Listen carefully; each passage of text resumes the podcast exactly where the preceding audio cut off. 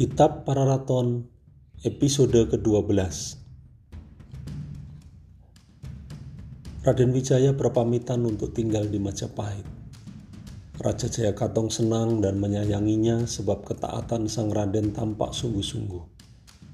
Setelah Raden Wijaya berada di Majapahit, lalu memberitahu Wiraraja bahwa semua mantri Daha telah dikuasai. Raden Wijaya mengajak Wiraraja menyerang Daha. Wiraraja menjawab kepada utusan, Jangan terburu-buru, aku ada akal lagi. Katakan kepada tuanmu bahwa aku berteman dengan raja di Tatar. Aku akan menawari dia putri raja. Sekarang pulanglah ke Majapahit. Setelah kepergianmu, aku akan berkirim surat ke Tatar. Jika nanti perahu Tatar berdagang ke sini, perahuku akan ikut. Aku suruh untuk ke Tatar untuk mengajak menyerang Daha. Jika Raja Daha sudah kalah, putri raja dari Tumapel yang kecantikannya tidak ada yang menyamai di Pulau Jawa itu akan diserahkan ke Raja Tatar. Itu tipu muslihatku pada Raja Tatar. Katakan kepada tuanmu agar ikut menyerang Daha. Utusan pulang ke Majapahit.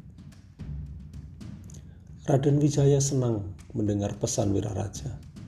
Setelah utusan pergi, Wiraraja mengirim utusan ke Tatar. Wiraraja pindah bertempat tinggal di Majapahit sambil membawa pasukan dari Madura. Seluruh orang Madura yang tangguh dibawa sebagai pasukan. Setiba utusan dari Tatar, lalu menyerang Daha.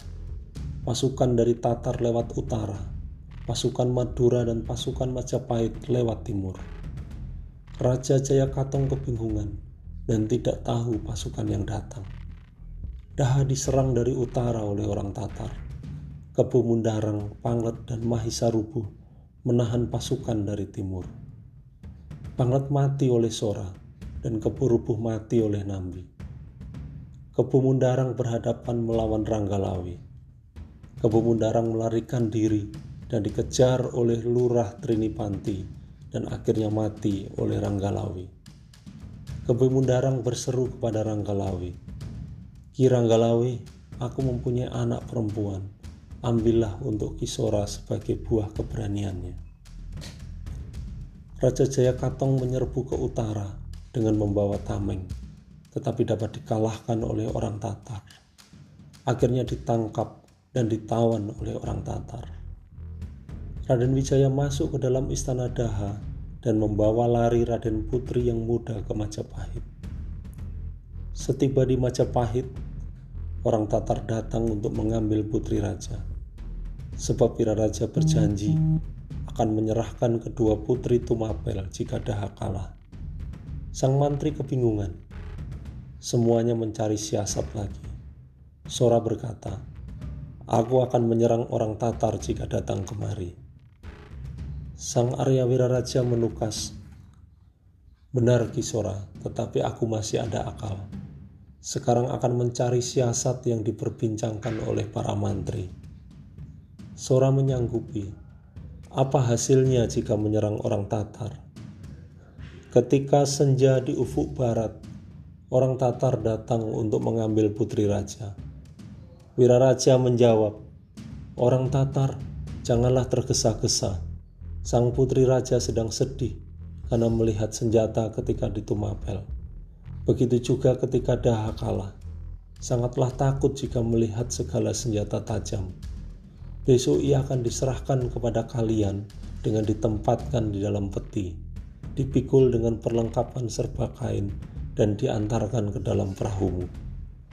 Adapun sebab ditempatkan di dalam peti karena dia tidak mau melihat segala senjata tajam juga nanti saat menerima sang putri raja, janganlah orang Tatar yang berusak. Orang yang terbaik pun jangan membawa pengikut. Sebab syarat sang putri, jika melihat segala benda tajam, maka setibanya di perahu akan terjun ke air. Tidakkah akan sia-sia kalian mempertaruhkan nyawa jika putri raja terjun ke dalam air? Orang Tatar dapat dikelabuhi. Kata orang Tatar, benar sekali ucapanmu itu. Sampai tiba saatnya penyerahan putri, orang Tatar datang berbondong-bondong untuk menjemput putri raja.